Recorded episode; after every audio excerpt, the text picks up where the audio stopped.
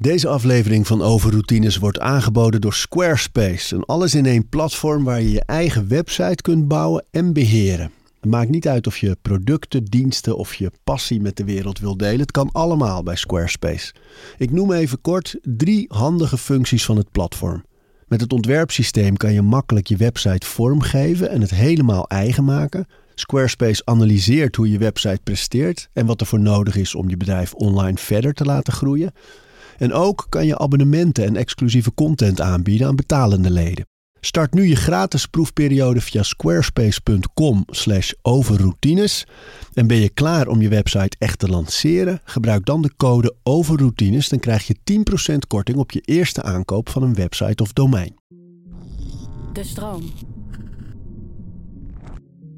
Mijn gast vandaag is Wigert Meerman. Wigert leeft het leven dat in de ogen van anderen succesvol was, met een mooie carrière en dure maatpakken, maar hij was niet gelukkig. En hij besloot een ander pad te gaan volgen. Dat pad begon met ayahuasca. We praten over routines. Ja, op zoek naar antwoorden is, is de titel van het boek. Dus dat gaan we natuurlijk ook doen in het gesprek dan. Het boek is inmiddels natuurlijk best al een tijd uit. Ik heb het een paar keer al cadeau gegeven, omdat ik het mooi vind. En heel uh, actueel eigenlijk in veel levens. Mooi. Dat je zo op zoek gaat naar uh, de antwoorden op grote vragen.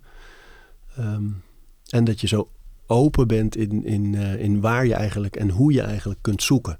Mm -hmm. Vond ik er zo mooi aan. Ja, dankjewel. Mooi. Ja, en het leek me mooi in dit gesprek om, om te beginnen met, met jouw eigen basis, zeg maar de, het fundament onder die zoektocht. Van wat was de reden nou eigenlijk dat je ging zoeken in het leven? Ja. En uh, dat is nogal wat bij jou. Ja, zeker wel, man. Um, nou, ik denk de kern, die begon twee maanden na mijn geboorte, toen mijn vader overleden is. Um, ja, waardoor je meteen een van de belangrijkste personen in je leven verliest. Um, en, en ik er denk ik toen on, onbewust achter kwam dat de liefde niet vanzelfsprekend is. Ja, dan ga je gewoon door het leven. Uh, je groeit op. En um, ik heb een uh, rumoerige jeugd gehad. Um, Waar zat hem dat in? Ik heb een, uh, een broer die mentale uitdagingen heeft in de vorm van schizofrenie en autisme. En ja, dat ontwikkelde zich toen, een jaar of, toen hij, hij is een jaar ouder dan ik, een jaar of twaalf was. Ja, en eigenlijk, uh, je ziet dat vaak bij schizofrenie dat het in die tijd uh, zich ontplooit. Nou, dat heeft ook bepaalde gebeurtenissen gehad waarom dat ook zo is. Had een grote, echt nog een open hartoperatie, waarbij heel de borstkas open ging. En geen goede opvang daarna op school. Uh, het liep niet lekker met een relatie met de stiefvader. En dat was continu strijd. En ja, heel veel dingen tegelijk. Ik kan niet in zijn hoofd kijken natuurlijk. Maar ja, uiteindelijk heeft dat wel geuit in in een jeugd waar jarenlang iedere dag um, de kans was op uh, emotioneel, huiselijk, fysiek geweld. En dat ik op een gegeven moment um, ja, mijn eigen broer vier maanden, of sorry, uh, vier keer in één maand um, aan de politie moest overdragen. Want onveilig. Want hij uh, ja, probeerde de deur in te trappen, gooide de ruit in. Bedreigde ons. het was gewoon niet veilig. En als je altijd op die, die stand staat van alertheid. En um, toen is er op mijn zestiende al wel iets ontstaan. Van ja, uh, ik wil hier ook niet de hele tijd in zitten. En toen um, ben ik ook gaan vluchten eigenlijk al. En die eerste vlucht die vond ik uh, bij, uh, nou, wel bekende voor jou, Remco Perdoel. Hmm. Ja. Remco heeft een hele grote stempel op mijn hoe, leven. Hoe kwam je bij hem terecht? Ja, hij zat in de woonplaats in Os en ik woon in Hees. En ja, ik wilde gewoon vechtsport. Ik zocht gewoon eigenlijk ook wel een vaderfiguur. En ik denk ook echt dat ik dat, uh, nou, aan de hand van het verhaal wat ik net vertelde, ook wel gewoon zocht. Weet je, ik leefde op, was opgegroeid met mijn moeder. Ik was denk ik op zoek naar gewoon de jongen die zich wilde bewijzen. En ik weet nog wel dat ik in die sportschool kwam en dat ik dacht, ja, die, dat wedstrijdteam, die zwarte banders, daar, daar wil ik bij horen. En Remco is wel het soort trainer dat uh, ik denk nu minder dan toen, maar toen was het... Uh, als je competitie wil draaien, dan doe je mee. als je gewoon lekker komt trainen, ben je welkom. Maar de focus gaat wel op die competitiegroep. En uh, tenminste, zo heb ik dat altijd ervaren. En ik vond dat mooi. En um, ja, ik denk dat dat ook echt een, um, Dat was voor mij de uitvlucht. S ochtends eh, ging ik gewoon ging bij, bij hem in de sportschool werken. Ehm, ik, mocht, ik kon er trainen. Eh, ik had alles daar. Een gegeven moment ging ik daar stage lopen. Ik zat op het CIOS. Maar het was wel een vlucht om niet thuis te zijn. Want thuis wachtte er gewoon ellende. Dus als ik ochtends om 7 uur weg was, kwam s'avonds om 10 uur thuis. Ja, dan, eh, dan had ik het goed gedaan, zeg maar. En dan eh, kon ik dat een beetje vermijden. En ehm, nou, dat uitte zich later in eh, veel gaan reizen, stage lopen in Australië. Maar uiteindelijk was het gewoon een vlucht. En ik heb op een gegeven moment heel erg rigoureus besloten om geen contact meer met mijn broer te willen. Ehm, dat heb ik ook tien jaar eh, volgehouden. En ehm, ja, dan komen er op een gegeven moment werk, vriendinnetjes, eh, dingen aan. En eh, op een gegeven moment was ik carrière aan het maken bij multinational. Dat ging heel erg goed. Ehm, daar voelde ik dat ik in een soort gouden kooi terecht kwam.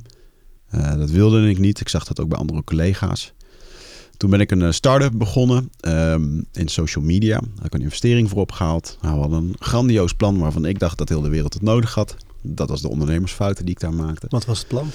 Ja, eh, toen was er een soort bubbel die geloofde dat eh, Facebook werd op dat moment zo groot en was zo hard groeiende dat alles op Facebook zou gaan plaatsvinden. Dus ook verkopen. Dus je zou straks geen webshops meer hebben. Nee, het zal allemaal via dat plaatsvinden. Dus wij hadden een eh, software bedacht waarmee winkeliers op Facebook konden gaan verkopen.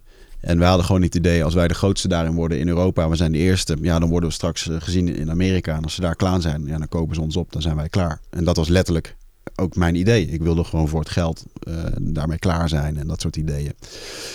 Nou, was een slechte, slechte ehm, ondernemersvisie. Ehm, dus dat ging ook niet goed. Ja, en daarin, eh, in het opstarten van die start-up, daar alleen maar mee bezig zijn, raakte ik ook mijn relatie kwijt. Mijn geld zat in mijn start-up.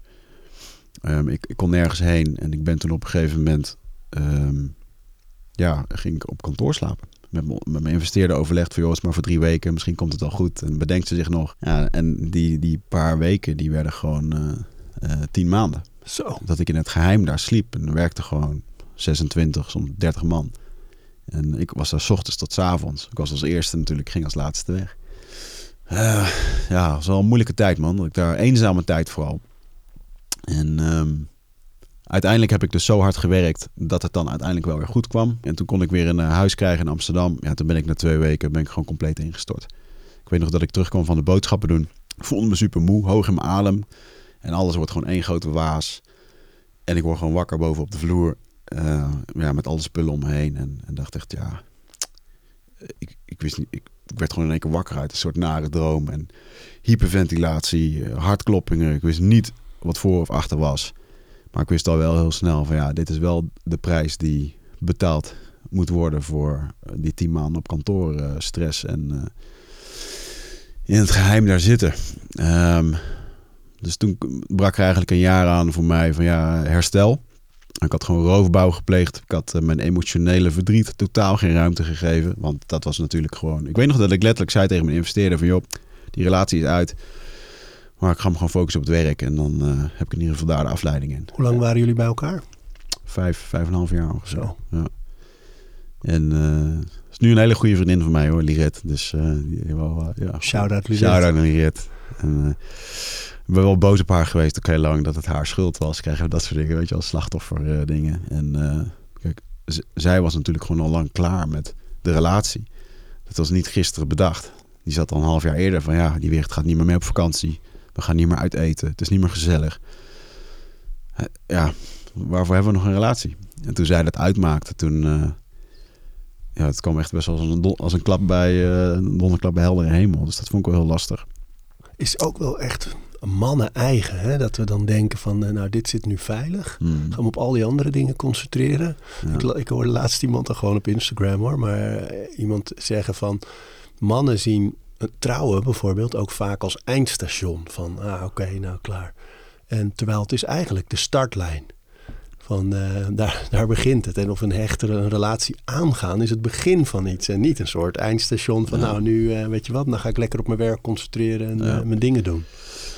Ja, weet je, het uiten van je verlangens en ehm, van je dromen en eh, ah, communicatie binnen relaties is, kan soms zo complex groeien. En ik denk dat wij ook een. Ja, ik, was ook, ik kwam in een andere fase. Mede ook door het plantmedicijn eh, wilde ik niet meer naar feestjes en dingetjes. En ik merkte gewoon... eh, het is misschien wel leuk, om even dit haakje te maken. Want eh, we begonnen met het verhaal van mijn vader. En op een gegeven moment... nou, ik ging ook in de tijd van het succesvol een baan hebben... ging ik heel veel uit. Maar dan gingen we wel van vrijdag tot zondag uit... met alles erop en eraan. En dat was mijn manier van ontspannen. 80 uur in de week werken. Wat, Maximaal wat was ontspannen. alles in die tijd? Ja, wat drugs, alcohol en eh, ja, gewoon housefeesten, afters. En eh, ja, was wel een heftige tijd. Ehm, maar voor mij was dat ontspanning. En het is natuurlijk een hele rare manier dat dat je ontspanning is. Maar daar kon ik een soort van, eh, oh, dan kon ik eigenlijk dat, dat heel dat, ik weet niet. Want iets kon ik daar gewoon laten vieren wat ik niet in het dagelijks leven kon. Omdat ik continu dat succes aan het najagen was. En ehm, nou, toen kwam op een gegeven moment eh, de Joe Rogan podcast voorbij. Daar hoorde ik Aubrey Marcus praten over ayahuasca in Peru. Eh, ik dacht twee ondernemers over vechtsport praten, over ondernemen, tatoeages. Tof, want als je het op dat moment niet kon aanraken, bestond het niet voor mij. Maar je was dus eigenlijk in dat best wel wilde, succesvol in ieder geval in de ogen van anderen leven Hmm. bezig. En, en je noemde al het, het plantmedicijn, hè? de plant medicine. Ja. Eh, ehm, dat kleeft inmiddels heel erg ook aan jou, omdat je er heel veel over naar buiten treedt. Waar Mm. andere mensen soms wat schuchter zijn daarover, ben jij heel erg enthousiast. Mooie voorbeelden. Ik, het zou, ik weet dat je een, eh, een paar, je hebt er heel veel gedaan, sessies, maar een paar waar die echt doorslaggevend waren. Ja, Natuurlijk, die waar je boek ook over gaat, hè? de 40 dagen. ja. Eh, Ja. bij, bij de mensen waar het vandaan komt. In de jungle, in Brazilië. Maar ook die allereerste keer. eh, dat, Ja. dat je eigenlijk een ontmoeting met je vader Zeker. eh, had. Zou je eens kunnen vertellen hoe dat ging? Dat was dus, ik zat in de auto, ik hoorde die podcast van Aubrey en Joe. En eh, ik dacht, ah, dit is waanzinnig. Dat wil ik gewoon eens een keer proberen. Gewoon uit nieuwsgierigheid. Ik was toen net in de opstart van die multinational. En ik had een naam nodig. We zaten te twijfelen over domeinnamen. Dat was toen het belangrijkste wat je moest hebben. En toen dacht ik, nou, dan ga ik daar wel, eh, wat is dat mijn intentie? Dus ik zat toen eh, in die eerste ceremonie. En ja, iedereen begint dan een beetje te delen over wat ze willen. Ik ben hier voor zelfliefde, ben hier voor dit en dat. En ja, ik wil eh, die ontmoeten of noem het allemaal maar op. En ik zat daar voor de bedrijfsnaam. Dus ik voelde wel een beetje dat ik buiten de boot ging vallen. En toen bedacht ik nog snel van, nou, als ik een teken van mijn overleden vader kan krijgen, dan is dat eigenlijk wel, ja, is dat mooi meegenomen. Toen mocht ik blijven, was ik geaccepteerd in de groep. maar ja, vervolgens had ik dus binnen vijf, namen, binnen vijf minuten had ik de naam van mijn bedrijf. En de overige acht uur heb ik gespendeerd ehm, ja, in gesprek met mijn overleden vader. En dat was alsof er een, een blok beton om mij heen weggebeiteld werd. Want hoe gaat zoiets? Want ik, ik bedoel, eh, ik heb ook eh, die Mm. sessies gedaan. En dan, eh, maar even voor de luisteraar die er wel van gehoord heeft, maar het niet Ja. heeft meegemaakt. Ja. Je bent dus in zo'n groep. Iedereen spreekt een intentie uit van dit is de vraag waarmee ik aan de haal ga. Dit is waar ik op hoop. Dit is wat ik graag zou willen doen. Ja.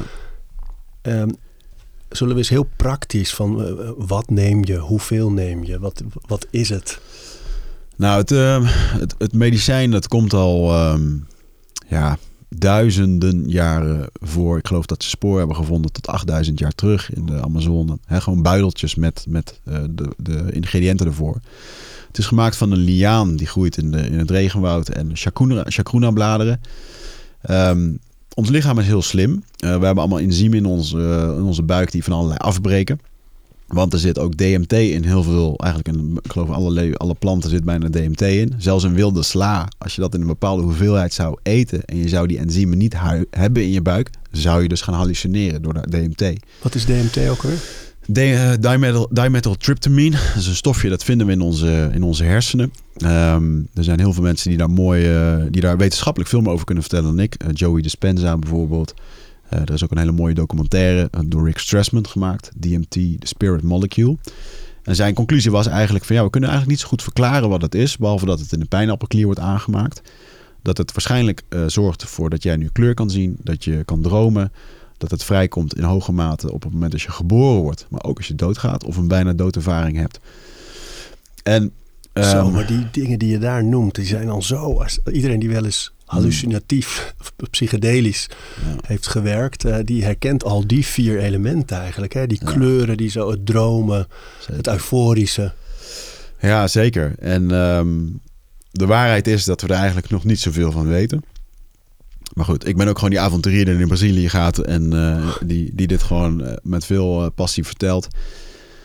Ehm, want er is natuurlijk een hele wetenschappelijke kant die nu zegt van ja, maar ja, weer het, ehm, of luisteraars, twee kampen vaak. Weer het, je hebt gewoon een drankje gedronken met drugs. Laten we het een beetje gewoon bij de naam noemen. Ehm, en jouw uh, onderbewuste kwam gewoon naar boven. Ja, dat zou best kunnen. Ik weet het ook niet. De Indianen die zeggen dat je daarmee een, een, in een wereld tapt die er altijd is, maar die we met het blote oog niet kunnen waarnemen. Hè, want waar ik naartoe ga bij de Hooni Queensdam, is dit gewoon het heilige sacrament. Dit is de basis van hun religie, van hun geloof. Dit houdt de stam bij elkaar. Dit is de rode draad. Ze zeggen ook letterlijk: de goden hebben het medicijn voor ons achtergelaten, zodat wij in contact kunnen treden met de goden. En dat is heel mooi. Voor de ceremonies daar beginnen, dan zegt zo'n shamaan ook, of in ieder geval de, het stamhoofd gaan, die, zegt, die vraagt ook altijd van aan het medicijn. Dan zegent hij dat en dan zegt hij uh, dat, hij uh, dat je ons mee mag nemen naar astrale hoogtes. Waar we heling mogen ontvangen en de hele chance uh, en de wijsheid om onszelf te helen. Zodat we die mee kunnen nemen hier naar de aarde. Zodat we dat hier door kunnen geven. dus er is een, ik krijg daar kippenvel van als ik het daarover heb. Ik vind het zo, zo mooi, zo puur. En Um, wat er dus gebeurt is dat de liaan die zorgt ervoor dat die enzymen in je buik um, geneutraliseerd worden. Zodat de DMT in de chacruna-bladeren uh, vrij kan gaan stromen. En dan heb je dus in één keer een overschot aan DMT wat door je heen gaat. En waardoor je dus in een bepaalde wereld komt. En zo'n shamaan die zorgt er dan voor dat hij jou daarin begeleidt en mee op reis neemt. En dat is echt wel een cruciaal ding. Ga niet naar de Smart Shop, koop dit en ga dit thuis eh, doen. Want je weet echt niet waar je mee speelt. Oh man, daar zeg je het. Ik heb het verschil tussen inderdaad zo uh, in de loop van de jaren negentig paddo's met je vrienden. Um, lachen, uh, gekke dingen op de wc meemaken. Ja. van alles. Heel leuk, heel grappig. En soms ook wel inzichten. Maar het verschil met dan in een gecontroleerde setting. Met een duidelijke intentie veilige omgeving, bepaalde energie en sfeer van mensen die ook ergens mee aan de haal gaan. Hmm. Uh, dat is enorm verschil, hè? Echt enorm. Ja, um, set en setting zegt alles. Ik bedoel, ik had ook een paar keer paddo's gedaan. Toen ik een keertje toen ik uh, 17 jaar was en mijn moeder was op vakantie. 15 vrienden met mij thuis. En het was gewoon om een avond naar de kloten te gaan. En nou, dat, dan krijg je dat ook. Was hartstikke gezellig en leuk. Maar niet echt... De spirituele betekenis ervan. Dat zat gewoon ook niet in mijn systeem. Um, en toen ik dit ervaarde met mijn vader, waarbij ik uh, echt, uh, joh, ik, was best wel bang voor de dood, merkte ik. Was ook al een vraagstuk wat vaak voorbij kwam. Natuurlijk ook getriggerd door zijn uh, gebeurtenis, door zijn gaan, zeg maar. En ja, ik weet nog wel dat hij mij toen een, een rondleiding gaf door het hiernamaals. Door de eeuwige jachtvelden, en gewoon een rust en de liefde die je daar voelde en de kalmte van. Wat zag je? Ja, zo'n hele matrix van allerlei lijnen, prachtige, e-, ja, letterlijk de eeuwige landschappen. Maar vooral ook uh, ja, de uitleg van hem. Van joh, je bent altijd heel erg op zoek geweest naar mij. Ja, weet je, ik, ik ben nog steeds hier gewoon. Dat lichaam was gewoon maar een kokon. En, en, en ja, gewoon die onwijze rust dat hij er gewoon nog was. En ik heb dat natuurlijk altijd proberen te zoeken in anderen, maar niemand kan je vader vervangen. En mijn moeder kan natuurlijk ook niet die rol uh, invullen. Um, en ik weet nog wel dat, uh, dat ik toen mijn leven als een soort uh, stripboek, weet je nog, van vroeger, dat je zo'n van die boekjes had, zo. En dan zag je zo dat boek voorbij gaan. En zo zag ik eigenlijk mijn leven. En ik zag mezelf als babytje Um, in die situatie dat mijn vader uh, overleed. En ik zag ook dat iedereen bedroefd was en verdrietig. En ja, als baby zuig je dat gewoon op. Je, staat, je zit in die staat van hypnose. Um, als baby word je geboren, heb je gewoon nog geen gedachten. Die gedachten die worden gevormd door de realiteit. En als je ouder wordt, is het net andersom. Maar dat waren mijn kaders. En, en ja, verdriet en pijn en moeilijk. Uh, ja, als overal alles in iedereen somber, zwaar, donker is, dan heeft dat natuurlijk weerslag op hoe jij je ontwikkelt. En als je dan vijf jaar bent, ben je vijf jaar verder. Ik heb mijn vader nooit gekend. Ja, ik vroeg er ook nooit echt naar of zo. Het was voor mij gewoon gewoon. Maar onderbewust uh, was er natuurlijk wel een groot gemis. En uh, ja, toen zag ik ook in één keer van, ah man, dat dat continue succes. Want het, het, ging. Mijn broer had natuurlijk altijd al vaak de aandacht, omdat het met hem niet zo goed ging. En werd ook vaak tegen mij gezegd: van ja, maar weer het, nou ja, in onze gezin moet jij het doen, weet je wel. Familie zei dat dan. Want het wel, uh, nu is het een beetje aan jou om het uh, wel goed te doen. En Ah, Wigert hoeven we niet naar om te kijken. Die, eh, die redt zich wel. Nou, in alle eerlijkheid red ik mezelf helemaal niet zo goed. Weet je, ik was altijd mm, best wel... Ik voelde me best wel vaak onveilig. En uh, daar kwam dan ook gedrag van... ging op de MAVO, ging iedere dag was het een strijd om een plekje te veroveren. Um, maar ik zag daar dus wel in waar het gedrag vandaan kwam en waarom ik zo wilde presteren en succesvol wilde zijn. Ja, dat was gewoon uh, omdat mijn vader niet langs de lijn van de sportwedstrijden had gestaan. En toen dat in één keer klikte, ja, toen viel er echt een soort aha-moment na 30 jaar van, oh, nooit aan gedacht. En zo'n, uh, en dat je dan eigenlijk je vader ontmoet en ziet, hè, van is, het, heb je daar, is daar dan ook een beeld of is dat alleen een gevoel? Ja, ik zag hem als een blauwe wolk. En daar was ik best wel door geïrriteerd. Maar ik voelde dat hij er was. En, en hoorde je een stem? Ik hoorde een stem. En ik, ik, ik heb nooit een stem gehoord, maar ik wist dat hij het was. En eerst wat ik zei, pap, waar, waarom ben je een blauwe wolk? Hij zo, nou, dat is nou exact, exact wat ik je nu wil leren. Je bent altijd op zoek naar een vervanging van mij in een bepaalde vorm. Maar dat lichaam was maar gewoon een ding. En wat voor vorm uh, ik er was, dat maakt helemaal niet uit. Ik ben er gewoon. En, en dat was eigenlijk mijn eerste lijntje naar uh, stukje acceptatie van spiritualiteit. Heeft heel veel voor me veranderd. Ik ben er een stuk zachter door geworden. Ik had toen al tien jaar geen contact meer met mijn broer. En uh, hij zei toen echt als een vader, heeft hij me een paar vaderlijke lessen gegeven. Hij zo, wat jij in het weekend doet hè, met die feestjes en zo, dat gaan we niet meer doen. Want het maakt gewoon uh, gaten in heel je energieveld en is gewoon niet goed voor je. Oh, um, Oké, een soort van, ik voelde me ook heel betrapt. Zo van, shit, mijn vader heeft me betrapt. en, en, maar dat was, vanaf dat moment wilde ik het niet meer. En heb ik het ook niet meer gedaan. En Um, toen vroeg hij op een gegeven moment, hoe is het met, mijn, met je moeder? Ja, goed, heeft een nieuwe vriend, gaat goed. En oké. Okay. Het met je oma? Ja, goed. En op een gegeven moment voelde ik het al. Toen ging het richting mijn broer. En dat was wel echt een heel, uh, ja, vond ik, ik wist wel dat ik dat aan het vermijden was. En toen zei hij ook van, joh, je weet dat dat niet oké is wat je nu doet. je, moet, je moet er wel wat mee. En als je er niks mee doet, dan ga je dit ooit nog een keer op je bordje krijgen.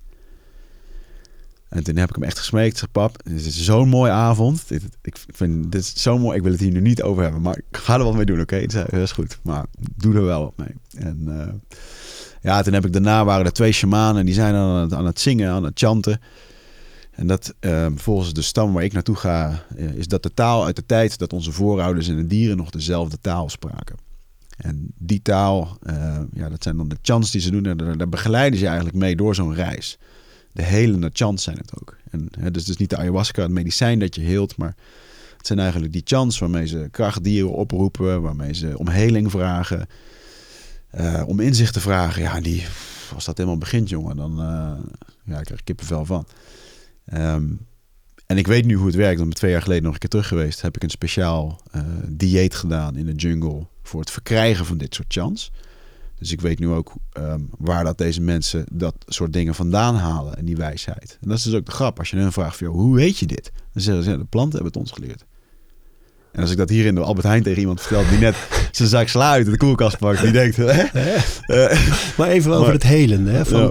van, kijk, uh, zo'n ontmoeting. En uh, mensen die dat nog nooit gedaan hebben, die niet in die psychedelische hoek hebben gezeten of geëxperimenteerd... Mm of zijn begeleid. Want in de psychiatrie en de psychologie is het inmiddels weer helemaal terug geaccepteerd, uh, wetenschappelijk goed onderbouwd en fantastische resultaten op allerlei gebieden in therapie. Ja. Maar waar, is, waar zit dat helende in? Dat je dan, je had echt het gevoel dat je ja. je vader dus alles wat je gemist had op dat 100%. moment kreeg.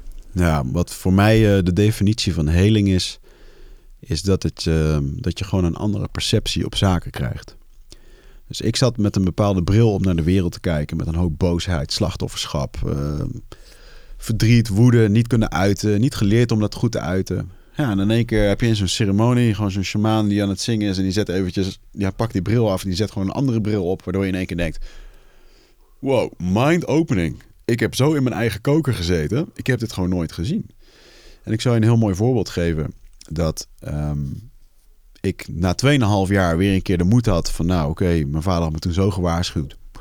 Ik durfde het eigenlijk niet nog een keer te doen. En uh, ik merkte toen wel dat de relatie met mijn broer, uh, ja, dat zat mij dwars. Ik heb toen nog een keertje een ceremonie gedaan met de, de stam waar ik eh, uiteindelijk mijn hart aan ben verloren. Op een goede manier. Of mijn hart aan heb gegeven. En toen ging ik dus met de intentie in van oké, ik wil die relatie met mijn broer eens onder de loep nemen. En vervolgens nam het medicijn mij mee in zijn hoofd. Op het moment dat hij voor ons huis stond. En op een avond een bloempot en bakstenen naar binnen gooide door uh, de glas van, van, ons huis.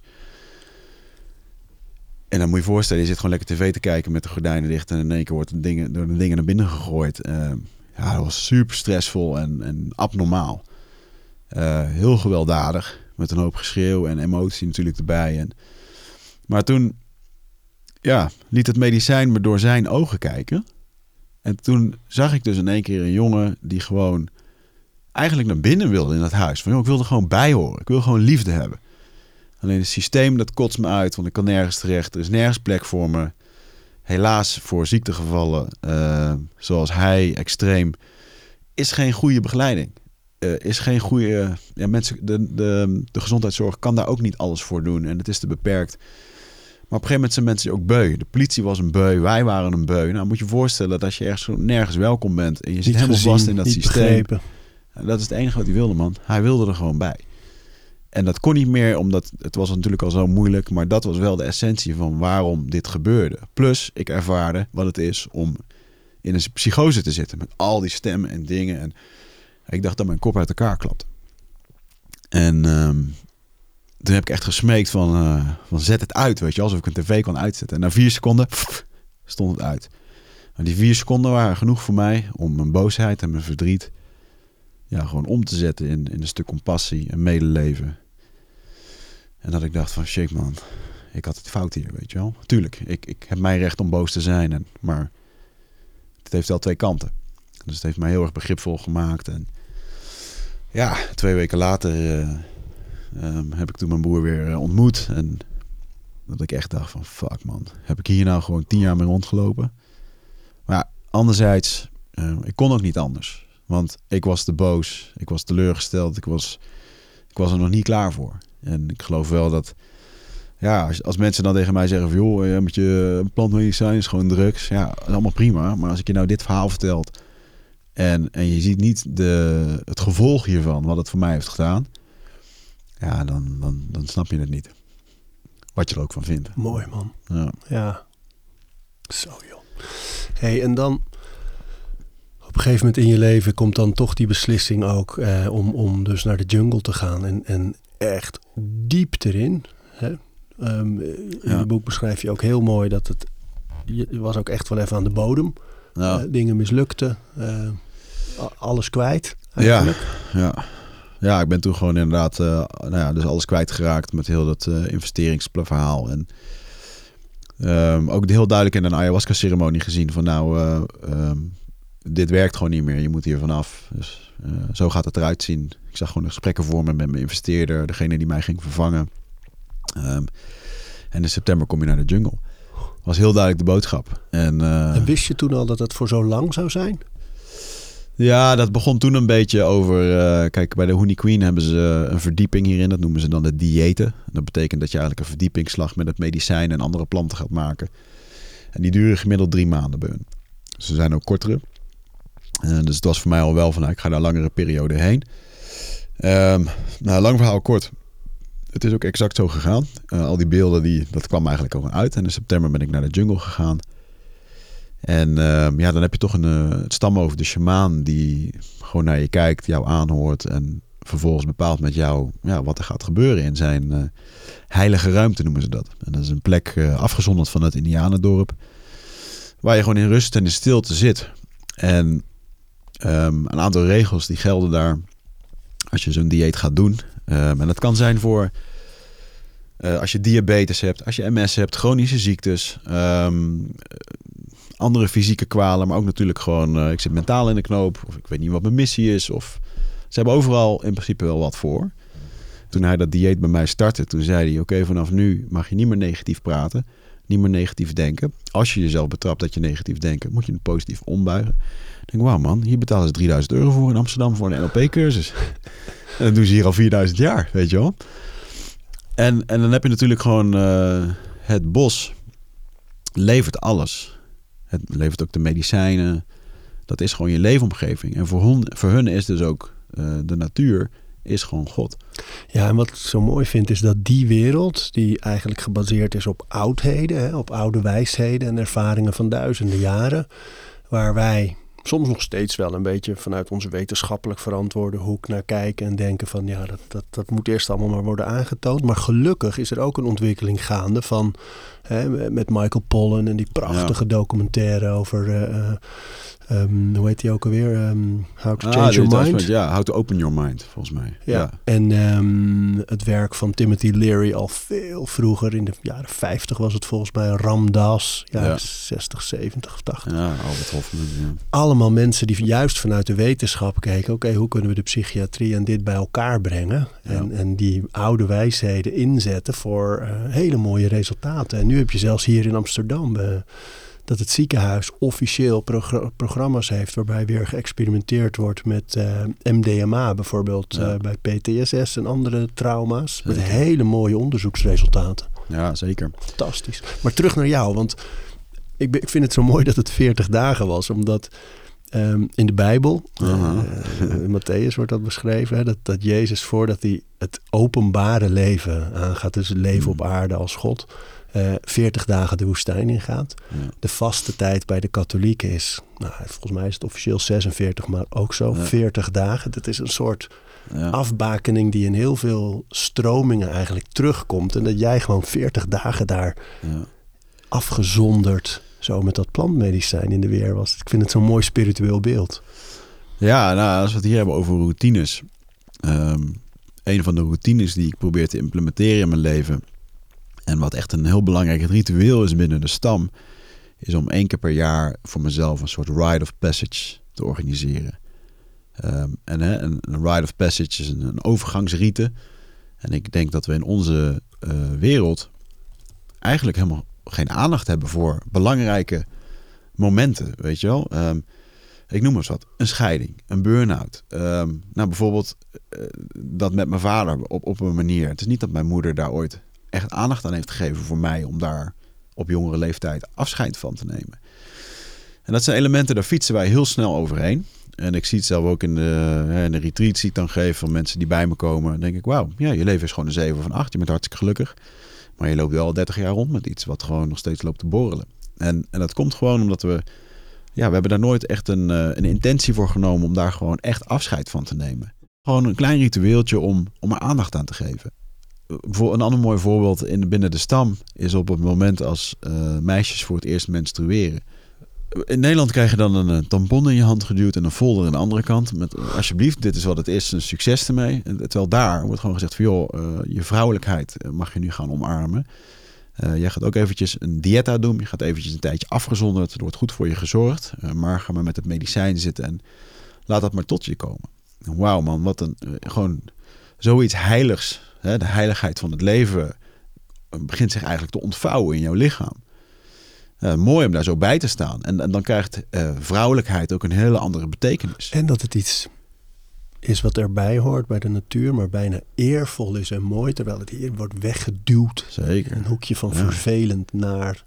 Zeker. Ja, oh, wat mooi. Hè? En... Of de, de, de, de rite of passages bij Afrikaanse stammen. Hè? Oh, je bent nu 16 jaar. Wil je man worden? Ga die leeuw maar halen, weet je wel. Met, neem die speer mee en dat is natuurlijk een extreme vorm. Ja, maar, dat is mooi ook, want in, in Nederland kun je afvragen, of sowieso in de westerse cultuur, van wanneer wordt een jongen een man? Ja.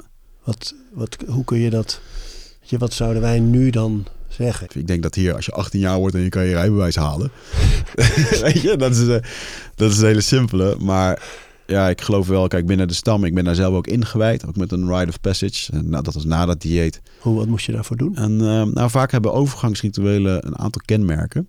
Um, onder andere dat je even geïsoleerd wordt van de buitenwereld. Uh, dus je bent even weg van, van, uh, van dat. Uh, vaak zit er een, een, emotionele of fysieke uitputting aan vast. Wij moesten toen, als de, G, de Jiboya is volgens hun een van de goden. Dat is ook eigenlijk het medicijn. Um, en de Jiboya is de boa constrictor. Ja, ze hebben dan ook een allemaal filosofie over dat dat de moeder van de wereld is. En, en dan moesten wij over een veld uh, heen lopen. Uh, hadden we eerst een ceremonie. Daarna moesten we uh, een dag lang over een veld heen lopen. armen in elkaar gehaakt. En er zaten allemaal jonge, fitte inheemse gasten bij. En je moest dan als een soort slang uh, over dat veld heen bewegen. Maar 40 graden, Amazon, de zon is echt eventjes iets anders. Um, en die lopen iedere keer aan je armen te trekken. Dus je werd er helemaal gewoon vermoeid. En dan deed je rondje achter rondje. En er werd bij gechant. En uh, joh, dat gaat non-stop door. En ik heb daar echt ervaren, zonder plantmedicijn, dat we dan daarna helemaal uitgeput moesten we 24 uur, misschien zelfs 48 uur, uh, zo lang kan dat duren, moet je recht in een hangmat liggen. En dat heeft ermee te maken dat je bent jezelf op het nieuw aan het resetten voor de wereld. Um, en als je nu krom gaat hangen, dan loop je voor de rest van je leven krom. Maar alleen al die de metafoor van, oké, gewoon nu hiermee uh, zet je de toon voor de rest van je leven. En om het vuur heen waren gewoon allemaal indianen aan het chanten. Gewoon non-stop. En dan heb je het over 120 shamanen die alleen maar ja, uh, die chants aan het doen zijn. En uh, de jonge meisjes en de vrouwen die kwamen aan je hangmat staan en die gingen de hele tijd liedjes zingen. En het ging een beetje in de toon van. Na, na, en dacht je, oh wat schattig. Maar als je dat twaalf uur hoort, het was een soort hypnose. En ze schudden aan je hangmat zodat je niet in slaap valt. En joh, op een gegeven moment dacht ik echt, ik heb geen ayahuasca gedronken, maar je zag gewoon de, de fractals en de, de geometrische patronen die je vaak in, de, in die eerste opening van ayahuasca ziet, die zag ik gewoon voor me. En toen dacht ik echt van, dat was echt een moment dat ik dacht van, wauw man, wat, wat zij hier doen en wat zij weten van moeder natuur, hebben wij gewoon geen weet van. En gewoon de energie opbouwen in zo'n ruimte. En, en mensen kunnen dan zeggen, ja, ja, wat een onzin. Maar ja, als iemand net ruzie heeft geweest met zijn vrouw en, en, Arie komt helemaal zagrijnig op een verjaardag binnen en je bent niet jezelf, dan voelen mensen dat. Nou, dat is het al, weet je wel. En, en, met al die goede intenties, als ze dat, ja, de, hun de nieuwe populatie, de nieuwe generatie proberen op te bouwen. Het is ook echt een, een viering. En vervolgens uh, sloten we dat af met Cambo, waarbij ze dan een gaatje in je huid prikken en het gif van de giftigste kikker ter wereld in je erin smeren. En dat schijnt uh, je lymfklierensysteem ontzettend te reinigen. Um, ja, dat gebruiken zij gewoon om, uh, om verlost te raken van parasieten en uh, ja, andere dingen. Dus zij doen dat vaak maandelijks. Dat is wel heftig hoor. Voel je je in dit alles, dus, want jij bent, je staat er heel erg voor open, dus je, je ziet de, het mooie ervan. Uh, waar sommige mensen zullen dichtslaan en zeggen, ja, dit gaat me te ver, of dit vind ik gek, of dit is te ver uit mijn comfortzone, of ja. uh, het is allemaal een, een, format. Maar als je er voor open staat, gebeuren er echt dingen. Hè? Zit, zit daar ergens bij jou uh, in zo'n proces ook, dat je, ben je bewust van tijd bijvoorbeeld? Nou ja, nee, want in de jungle, kijk, de, de jungle, de klok daar is eigenlijk hoe dat de natuur meebeweegt. Zij weten hoe laat het is, omdat er bepaalde vogels beginnen te fluiten. Dat is heel grappig. Hè? Dus de zon, als de zon naar beneden gaat, het is donker, ja, dan, dan is het gewoon niks meer te doen. Want je kan niks in de jungle doen. En op het moment als het donker wordt, dan alles wat kruipt en steekt, dat komt dan naar boven, zeg maar. Dus um, het is best wel, de jungle bepaalt daar heel erg de kaders. En je moet er gewoon in meebewegen. En, en dat was zo'n confrontatie van het ikje dat zo belangrijk was. Dat zich zo nietig voelde daar. En, en dat is wel mooi. Dat als je dus dat ervaart. Ja, dat, dat brengt toch wel een stukje nederigheid met zich mee. En, en ook naar dat plantmedicijn, jongen. Iedere keer als ik dat moet drinken, dan... Oeh, wat komen we vanavond weer tegen, weet je wel. Ja, het is wel echt spannend. En ik snap ook dat het niet voor iedereen is.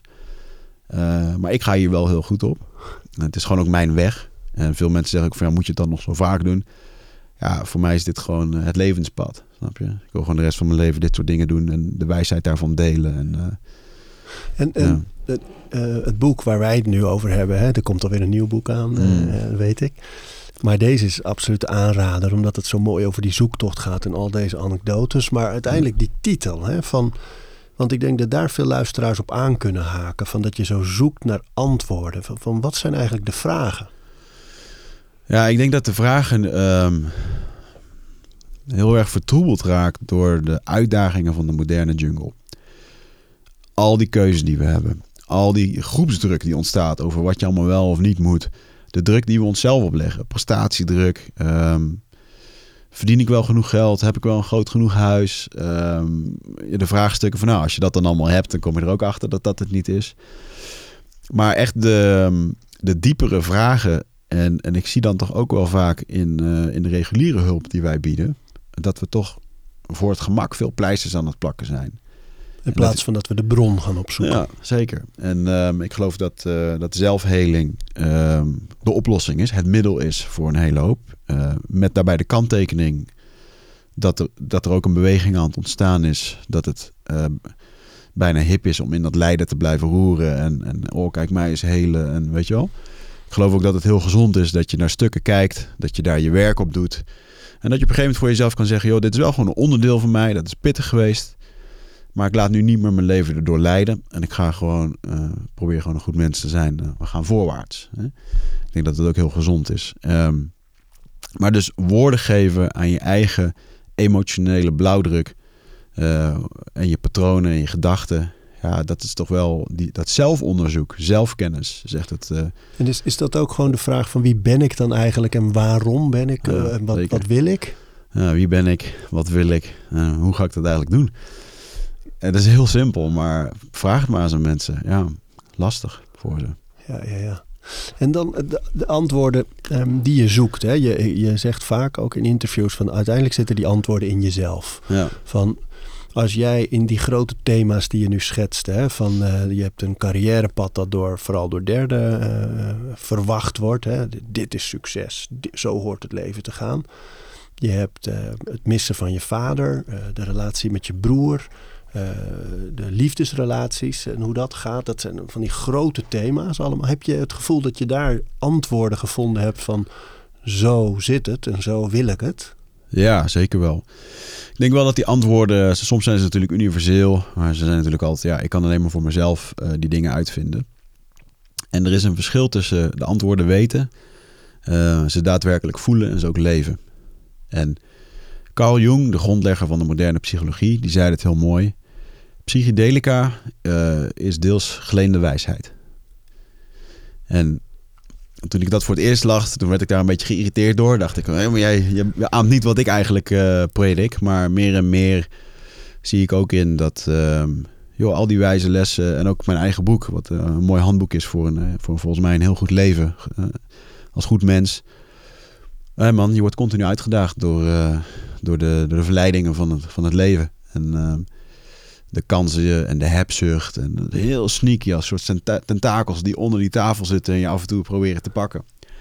En um, dus ja, ik heb wel uh, voor heel veel dingen antwoorden voor mezelf gevonden. Vooral ook uh, hoe ik met de relatie wil zijn, hoe ik in de familie wil zijn, wat ik als ondernemer wil doen. Nou, dat geeft toch rust. Ja, ja, ja. En ik rij hier nu net Amsterdam binnen en ik zie al die ramen, al die huisjes. En je hebt geen idee wat er achter die ramen afspeelt. En het is, het is, niet, het is niet misselijk, weet je wel. En dat, als je gewoon mensen hoort en ziet wat ze allemaal meemaken.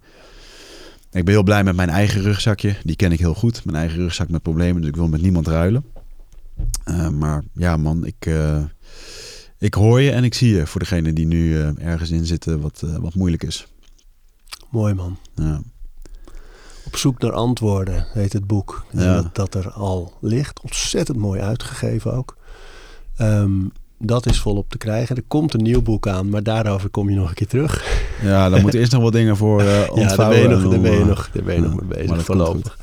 Eindbazen heet de podcast. Uh, die jullie, jullie waren er vroeg bij. Er al meer dan 350 afleveringen uh, online staan. Mm -hmm. Vaak over dit soort thema's. Hè, de zelfoptimalisatie. De, het is ook echt wel een beetje de Joe Rogan hoek. ja. Hebben jullie? Ja, is een, dankjewel. Mooie, Mooi compliment. Mooie pioniers. En uh, Ed Wigert Meerman is jouw, uh, jouw eigen Instagram. Waar ja. je in ieder geval te vinden bent. En uh, waar het is leuk om te volgen. Want je, je gooit er af en toe wat comedy in. Je zegt veel over opvoeding. Je deelt je eigen processen. En je deelt je zakelijke dingen. Zoals de Rite of Passage events ja, die zeker. je doet. Ja. Mooie evenementen met goede, goede missie, man. Ja, leuk. Fijn Dankjewel. dat je er bent. Ja, mooi. Dank Dankjewel. voor je komst. Dankjewel. Heel tof. We praten over routines. Dankjewel voor het luisteren. En voordat je weer doorgaat naar andere dingen, wil ik je nog even wijzen op Over Inspiratie. Dat is het mailtje dat ik elke donderdag rondstuur met drie tips. Dingen waar ik zelf veel aan gehad heb. Kunnen producten zijn, artikelen die ik gevonden heb online, onderzoeken.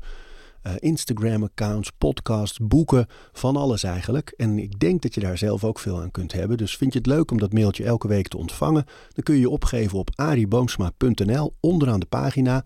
Dan krijg je voortaan elke donderdag in je mailbox over inspiratie.